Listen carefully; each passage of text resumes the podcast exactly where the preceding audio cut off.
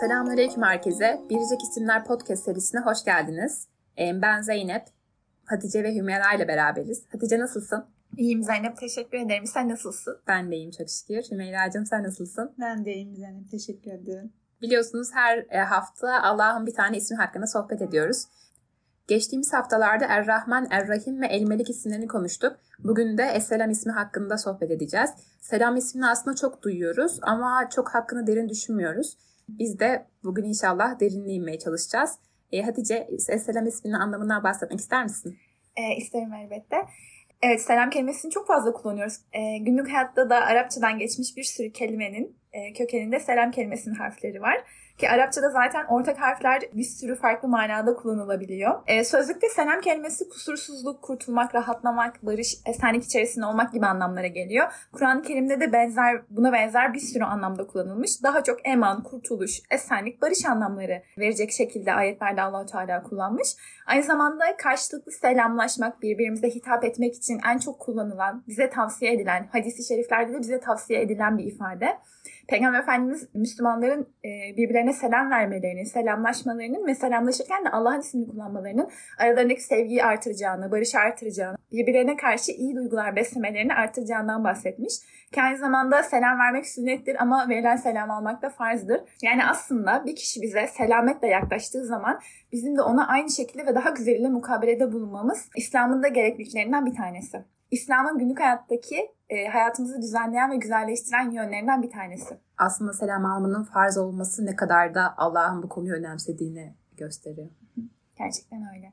Mesela her namazdan sonra da Allahümme ente selam ve minke selam diyoruz. Bu da aslında e, her namazdan sonra bu demek de çok manidar. Doğru söyledin. Yani e, bunu bize Peygamber Efendimiz e, öğretmiş bu ifadeyi söylemeyi. Camilerde cemaatle özellikle namaz kıldığımda müezzin bu ifadeyi söylediğinde iyi hissediyorum.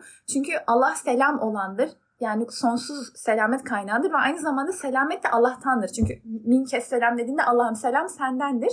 Ve hani aslında burada selamete nasıl kavuşacağımızın e, yolunu Allah bizzat diyor ki selamet benden. Yani Allah'tan alacaksın o selamı. Her namazdan sonra. Her namazdan sonra. Şimdi günlük hayatta beş vakit namazdan sonra bunu kendine tekrardan hatırlatıyorsun. Peki Allah neden bize selam ismini bu kadar çok hatırlatıyor olabilir?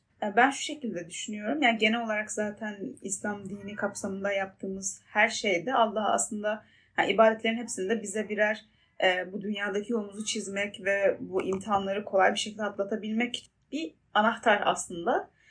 E, selam isminin de Hatice'nin bahsettiği gibi kelime kökenine baktığımız zaman esenlik işte e, maddi ve manevi olarak ferahta ve refah içerisinde bulunmak vesaire gibi anlamlar ihtiva ediyor. E, namazlardan vesaire sonra da sürekli bunu zikrediyoruz. İşte biliyorsunuz hepimiz zaten Müslüman olarak tanışırken, merhabalaşırken sürekli selam ifadesini kullanıyoruz. Aynen. Ayrılırken de yine selam veriyoruz. Evet, evet ayrılırken de selam veriyoruz. Çünkü aslında düşündüğümüz zaman buna çok ihtiyacımız var. Yani kelime bağlamında düşündüğümüzde e, dünyalık olarak bu hayatta sürekli bir kaygı halinde bulunabiliyoruz ve en çok ihtiyacımız olan şey de bir e, ruhi ve maddi bir refah hali aslında. Ve bu da ancak Allah'tan gelebilecek bir şey. Yani namazlardan sonra söylediğimiz duada geçtiği gibi. E, bir de selamlaşmalarda ve namazlardan sonra sürekli bu ifadeyi tekrarlıyoruz. Çünkü aslında ben kafamda bir kıyas yaptığım zaman mesela hac gibi işte oruç gibi aslında böyle uzun araya uzun vadeler girilerek yapılan bir şey değil aslında bu. Çünkü sürekli ihtiyacımız olan bir şey. E, bu da yani dünyada sürekli kaygının var olmasıyla bağdaşlıyorum ben kafamda. Özellikle modern insan olarak yani bugün yaşadığımız dünyada hepimizin e, en büyük problemlerinden birisi kaygı. Terapistlere insanlar en çok kaygı bozukluğundan dolayı başvuruyorlar. E, ve bununla baş etmek oldukça zor. Ama yani bakış açılarına baktığımız zaman aslında sürekli olarak kaygıdan e, büyük bir kurtulma ve hani sonsuz bir kurtuluşu arzuluyor insanlar. Yani terapistlerden de talep ettikleri zaman zaman bu oluyor. E, yani bir kere kaygılanıyorum ve bunu bir çözeyim ben bir daha hiçbir şey hakkında kaygılanmayayım. Bir böyle bir şey var. Bir de öte taraftan da hani aslında kaygıyı hem insanlar bir yandan şeytanlaştırıyorlar bir yandan da aslında tamamen elden de bırakmayın diyorlar. Yani bilirsin işte sınav zamanlarında stres olmayın ama biraz da olun diye söylüyorlar ama bunun biz e, çoğu zaman işte terazisini tutturamıyoruz bunu. Evet. E, çünkü aslında burada başta yaptığımız şeye sorun yani kaygıyı bir şeytanleştirmek sorunlu bir şey.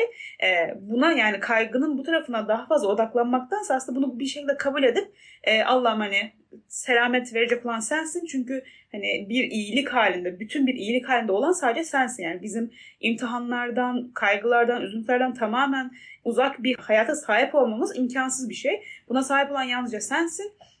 Ve bunu da ancak sen verebilirsin. Yani Allah'ım kaygılarımı yok et gibi değil de benim kaygılarım olacak ama selameti de sen vereceksin bana. Buna odaklanmak belki daha Müslümanca. E, Müslümanca ve insanın hayatını daha ayakları sağlam basan bir yere koyabilir yani. Çünkü kaygısız bir dünya bence mümkün değil. Çok haklısın çünkü dünyada zaten imtihan olduğumuzu biliyoruz yani burada kaygısız olmak bence imkansız. Dünya bir imtihan mekanı ve imtihan olduğum bir yere kaygısız olmak imkansız aslında. O yüzden de işte dediğim gibi modern insanın kaygıdan tamamen bağımsızlaşma çabası çok fuzuli. Bir de mesela şu geliyor benim aklıma. E, iletişim ağının da artmasıyla beraber aslında yani kaygılarımızı komple elimine etme ihtimalimiz yok. Çünkü her şeyden haberdar oluyoruz ve başımıza gelme ihtimali oldukça düşük şeylerin bile kaygısına gidiyoruz. Yani aslında olasılık bakımından baktığın zaman başına gelebilir aslında. Bunun tek bir çözümü var. Yani kaygıları yok etmektense kaygılarından seni emin kılacak olan hani Allah'la irtibatı kuvvetlendirmek, ondan selamet talep etmek, bunun için dua etmek daha sağlıklı bir bakış açısı gibi geliyor bana. Evet çünkü aslında insanın belki fıtratı itibariyle mutlak bir selamet, güven arayışı var. E, ama aslında burası dünya olduğu için böyle bir mekan yok, böyle bir garantisi yok buranın. Bunu sadece Allah'a dua ederek, Allah'tan isteyerekten bulabiliriz. Çok doğru. Bizim e, edepte bir hocamız sohbetinde şundan bahsetmişti. Kur'an-ı Kerim'de Beled suresinin e, üçüncü ayetinde allah Teala buyuruyor ki biz insanı e, darlık içerisinde yarattık. Yani kebet kelimesi geçiyor. Ve kebet kelimesi aslında mana olarak e, ciğer demek ve dar ve sıkışık yer anlamına geliyor aynı zamanda. Aynı zamanda darlık ve sıkıntı anlamına geliyor. Yani allah Teala bizzat insanı darlık ve sıkıntı içerisinde yarattığını söylüyor. Yani bu ne anlama gelir? Sizin de bahsettiğiniz gibi dünya dünya içerisinde yani bize dünyaları da verseler, bize her şeyi de verseler biz aslında rahat edemeyeceğiz. Çünkü Allah böyle bir düzen uygun görmüş. Ve aslında e, bu ayetin şöyle de bir anlamı varmış. allah Teala insanı sıkıntılara göğüs gerebilecek surette yarattı. Sıkıntının yanında o sıkıntıya sabredebilecek, göğüs gerebilecek ve aslında selamete kavuşabilecek bir imkan içerisinde de yarattı. Evet. Yani yine biz e, günlük hayatta bu kadar çok söylediğimiz selamın Allah'tan geldiğini kabul ettiğimizde aslında kaygılar, sıkıntılar her zaman var olacak. Çünkü bizim yaratılışımız da var ama biz yine onlardan kurtulmak için Allah'a başvuracağız. Yani çözümümüz bu olacak. Bu da aslında hani diğer bölümlerde de konuştuğumuz gibi haddini bilmekle çok alakalı bir şey. Aynen. Yani senin de vurguladığın gibi Allah beni bu şekilde yarattı ve ben buna programlanmış durumdayım ve böyle gidecek benim hayatım. Ama Allah bunların hepsinden emin olandır. Yani haddini bilmek burada bence yine karşımıza çıkan şeylerden birisi oluyor. Bu aslında bir vesile işte. Allah bu şekilde bizim onunla dua etmemizi, ondan talep etmemizi istiyor. Ve biz ona yaklaştıkça daha çok kul olmak istiyoruz. Ve aslında maksat hasıl oluyor. Zaten bizim yaratılma amacımız ibadet etmek, kul olmak olduğu için aslında musibetlerin olması, imtihanların olması, kaygılı olmak e, bizi Allah'a yaklaştıracak bir vesile oluyor. Eğer değerlendirmeyi bilirsek. Eğer değerlendirmeyi bilmezsek de o kaygı bizi öyle sarıyor ki biz oradan şeytana bir imkan tanıyoruz ve şeytanın oradan vesveselerle bizi çok daha farklı yere yöneltebiliyor. Yani aslında burada Allah bize hem kendisine yakınlaşabileceğimiz hem de, hem de kendisinden uzaklaşma tehlikemiz olan bir seçenek sunuyor. Ve biz burada hangisini seçeceğimizi, hangisini İrade. gerçekten yani hangi vesileyi seçerek Allah'a mı yaklaşacağız? Bu bizi Allah'a daha mı yaklaştıracak? Yoksa Allah'tan uzaklaştırıp ona belki Allah korusun isyan edecek hale mi getirtecek? Bunu aslında biz tercih ediyoruz. Biz evet. karar veriyoruz. Hani şey diyor ya Allah ayette hanginizin daha iyi yapacağını e, görmek için e, imtihan, imtihan ediyor bizi. İmtihan ediyor bize. E, aslında bütün musibetler de e, bu imtihanlardan birer tane. Bu Hatice'nin zikrettiği ayetler benim dikkatimi şuraya da çekti aslında. Hani biz bu podcast yaptığımızdan beri aslında böyle Allah'ı tanımak ve sonra kendimizi tanımak hani dolaylı olan buna vesile oluyor ya. Yani bu karşılıklı ilişki görmek aslında çok sağlıklı bir zemine taşıyor bizim Allah'la olan ilişkimizi. Allah'ım sen böylesin ben böyleyim. Sen beni bu şekilde yarattın. İşte Allah beni bir işte hı hı kebet halinde yarattı. Hı hı. Ama selamet verecek olan o. Yani böyle bir ikili ilişkiyi sağlıklı bir zemine oturtmak açısından çok önemli. Ufuk yani. açıcı bir şey yani. Evet, çünkü aslında Allah'ı bilen kendi biliyor. Kendi Hı-hı. bilen Allah'ı biliyor. Evet, çok doğru. Ee, yani şimdi selametin, sonsuz selametin kaynağının Allah'tan geldiğini kabul ediyorsak o zaman benim aslında her ilişkimde, dünyayla ilgili kurduğum her ilişkide, kendimle kurduğum ilişkide aslında araya Allah'ı koymam lazım. Yani anneme yaklaşırken, babama, etrafıma, dostlarıma bir ilişki kurarken, bir işe başlarken yani nasıl ki Allah'ın adıyla başlıyoruz aslında araya Allah'ı koyuyoruz. Çünkü ben o işte bir selamet olmasını umut ediyorum. Allah'tan niyaz ediyorum. Ve aslında ben şöyle düşündüm. Kendimle arama da aslında Allah koymalıyım. Çünkü ben iç dünyamda bir huzur, yani bir dinginlik, bir barış içerisinde olmak istiyorum. Kendi iç dünyamda bir barış olsun istiyorum. Ve o zaman kendimle de arama Allah'ı koyacağım. Kendime yaklaşırken de bu bilinçle yaklaşacağım. Kendimi düşünürken, dünyada düşünürken, ahirette düşünürken de bu bilinçle davran, davranmam lazım ki o zaman ben de iç dünyamda böyle e, başka dışarıdan faktörlerin etki edemeyeceği, dışarıdan gelen işte zararın, işte iyiliğin veya kötülüğün bozamayacağı bir huzur halinde olabileyim. Bu aslında Hümeyra'nın bahsettiği gibi Allah olan ilişkiyi sağlam zeynine oturtunca aslında gelişen doğal bir hal bence. Yani e, Allah'ı kendi içinde ve e, belki de dünyanda doğru yere koyduğunda hem kendine olan ilişkinde hem de diğer insanlar olan ilişkinde e, Allah'ı nereye koyacağını daha çok biliyor oluyorsun. O zaman da diğer ilişkilerin de ister istemez e, gelişmiş ve düzenlenmiş oluyor.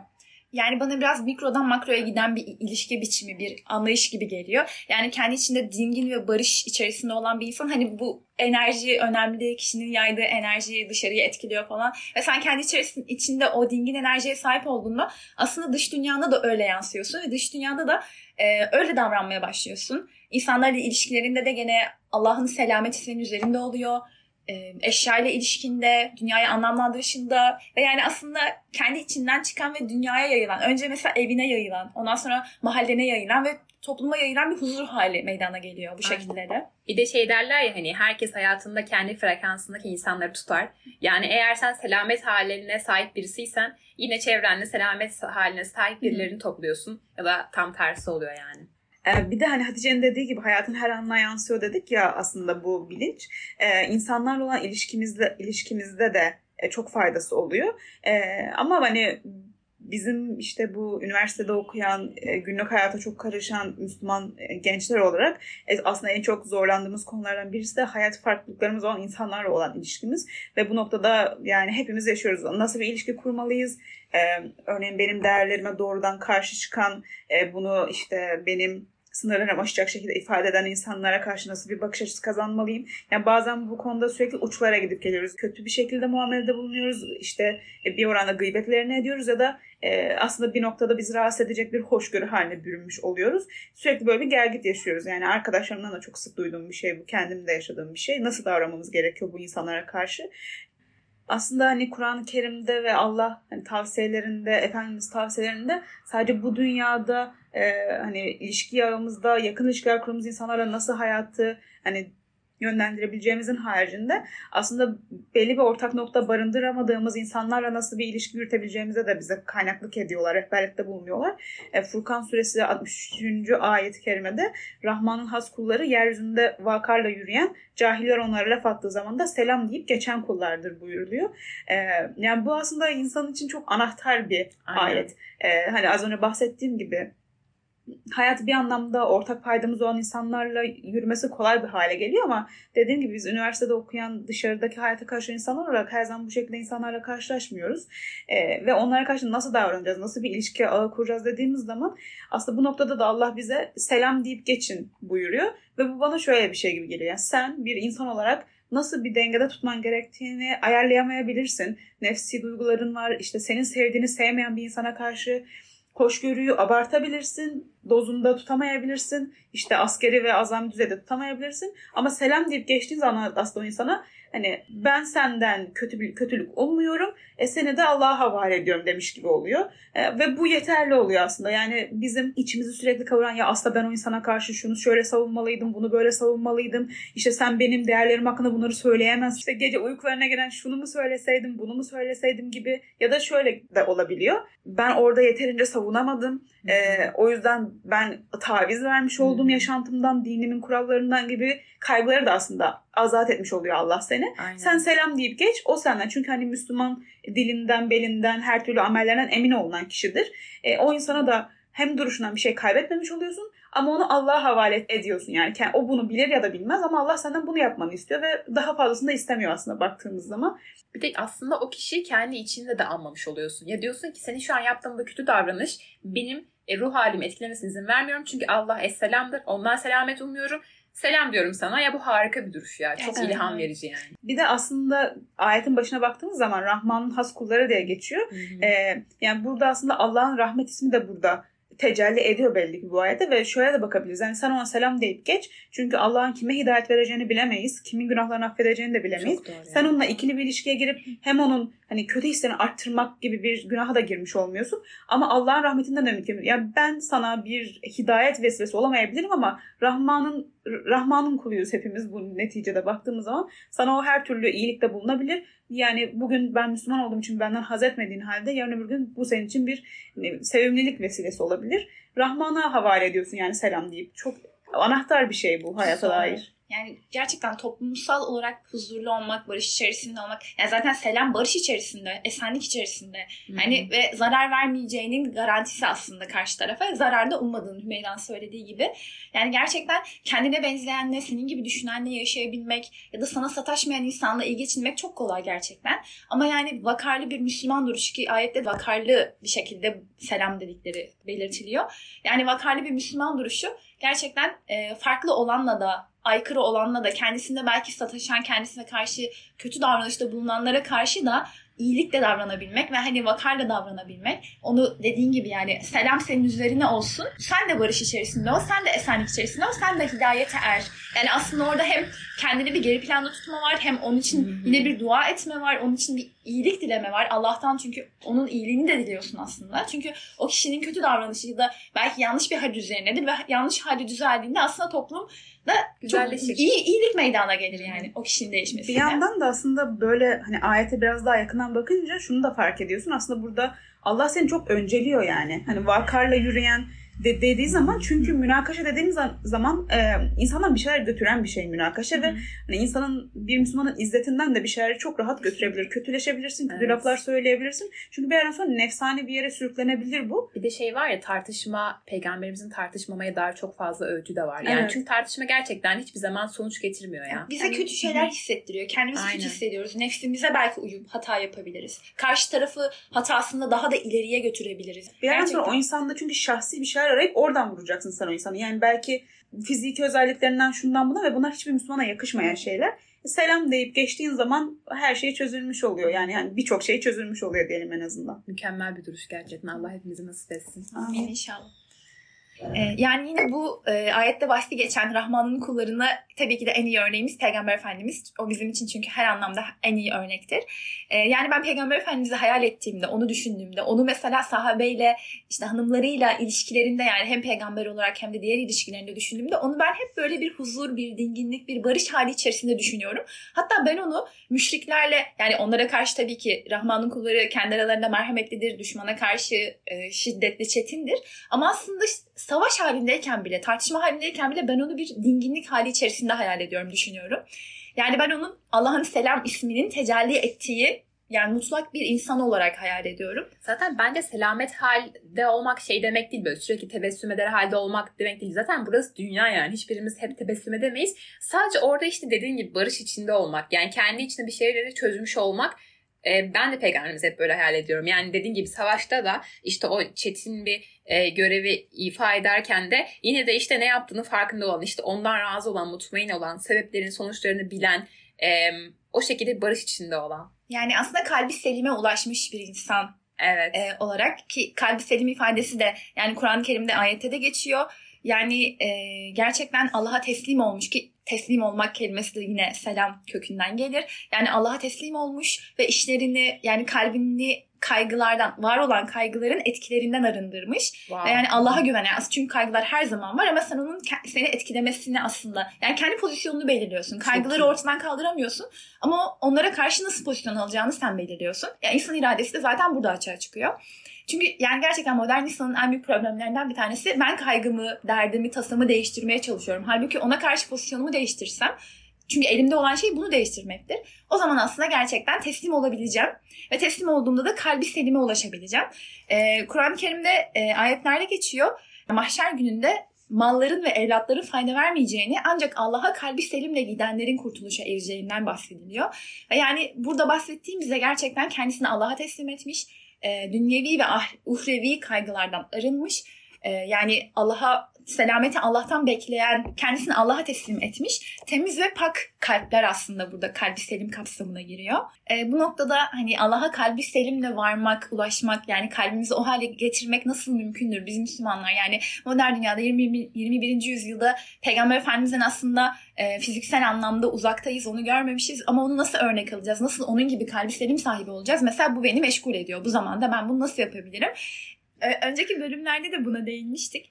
E, allah Teala kalplerin ancak Allah'ı anmakla e, mutmain olacağından, tatmin olacağından bahsediyor. Yine biz Allah'ın isimlerini e, zikretmek için de kullanıyoruz. Yine Allah'ın selam ismini belki bir sonraki podcastimizi dinleyeceğiniz zamana kadar zikir haline getirebilirsek, günlük zikrimiz haline getirirsek ve aslında günlük hayatta kullandığımız bu selam kelimesini, selam verirken, namaz kılarken, yani kullandığımız selam kelimesini ya da Kur'an-ı okurken manasını daha çok düşünerek, yani aslında selam verirken ne kastediyorum, ben sana ne söylüyorum? Yani bu karşılaştığım arkadaşım bana selam verdi ama aslında onun altında ne manalar var? Belki bunu daha çok düşünürsek ve yine Allah'a zikredersek daha çok. Bu manada bence kalbimiz de e, kalbi selim olmaya doğru giden yola girer yani. O yolda biraz daha ilerler inşallah. İnşallah. Kalbi selim olmanın yollarından bir tanesi de bence şu. Ben mesela bunu önceden düşünüyordum kalpler ancak Allah'ı anmak kadar tatmin oluyor. Ama e, ben böyle ol bende böyle olmadığı zaman acaba bunun sebebi ne diye düşünüyordum. Çünkü bence kalbin de birazcık o kıvama gelmesi gerekiyor. Yani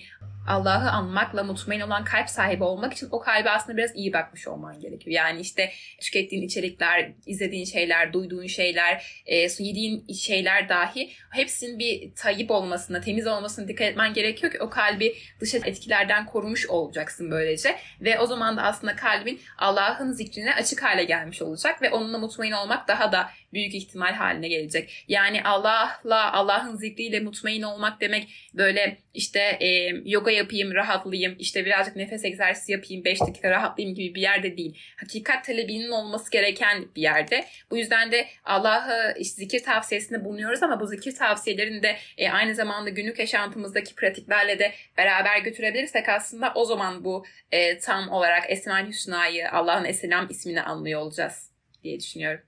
Hani yine Peygamber Efendimiz hadis-i şerifte buyuruyor ya bir Müslüman günah işlediğinde ve eğer tövbe etmediyse kalbinde küçük bir nokta oluşur, kara bir nokta oluşur. Ve hani günah işledikçe ve tövbe etmedikçe, günahın farkına varmadıkça, pişman olmadıkça o kara noktalar çoğalır çoğalır ve o kişinin kalbi artık hissetmemeye başlar. Yaptığı ibadetten zevk almamaya başlar. Merhamet duymamaya, vicdanını çalıştırmamaya başlar. Yani aslında gerçekten bu, bu bir süreç yani. Hani ben Allah'a fikredeceğim Aynen. ve hemen her şey çok rahat olacak. Bütün ibadetlerden zevk alacağım. Yani aslında o da hazırlık gerektiriyor. Çünkü evet. insan gerçekten sevdiği için çabalar, bir şeyler yapar, kendisini ona hazırlamaya çalışır. Emek istiyor. Evet bu süreç gerçekten yani seviyorsanız emek vereceksiniz. Birazcık öyle bir süreç gerektiriyor. Allah nasip etsin inşallah. inşallah. emek vermeyi. O zaman bundan sonra selam sözünün anlamını daha çok biliyoruz ve e, selam vermek bizim için daha kıymetli. Çünkü aslında her selam verdiğimizde karşı taraf için bir selamet duasını bulunmuş oluyoruz. Selamet duası da bir kişi için yapılacak en büyük dua aslında. Çünkü karşıdakinin ne derdi var bilmiyorsun. Ama istiyorsun ki her ne derdi varsa da e, Allah ona selamet versin. Allah kendi bildiği şekilde versin. Çünkü biz sonuçta kimsenin e, iç dünyasına vakıf olamıyoruz. O yüzden çokça selam vermeliyiz. Hatta selam vermekle alakalı çok da hadis var zaten. Yani Müslümanlar arasında ümmetin arasındaki uhuvvetin artması için selam çok büyük bir yerde duruyor. Belki de e, Allah'ın Esselam ismine ithafen de böyle olabilir. Gerçekten. Bir de yani e, dünyayı kurtarmak için çok büyük işler yapmamız gerektiğini zannediyoruz ama aslında e, işe selam vererek, selamın anlamını bilerek, yani karşılaştığımız insanlara içten gelerek selam vermekle başlayabiliriz. Hem de kocaman bir tebessümle. Gerçekten çok fazla iyi geliyor yani insana. O zaman Allah'ın selamı hepinizin üzerine olsun diyerek kapatabiliriz. Bir sonraki bölümümüzde görüşmek üzere. Hoşçakalın. Görüşürüz. Allah'a emanet olun.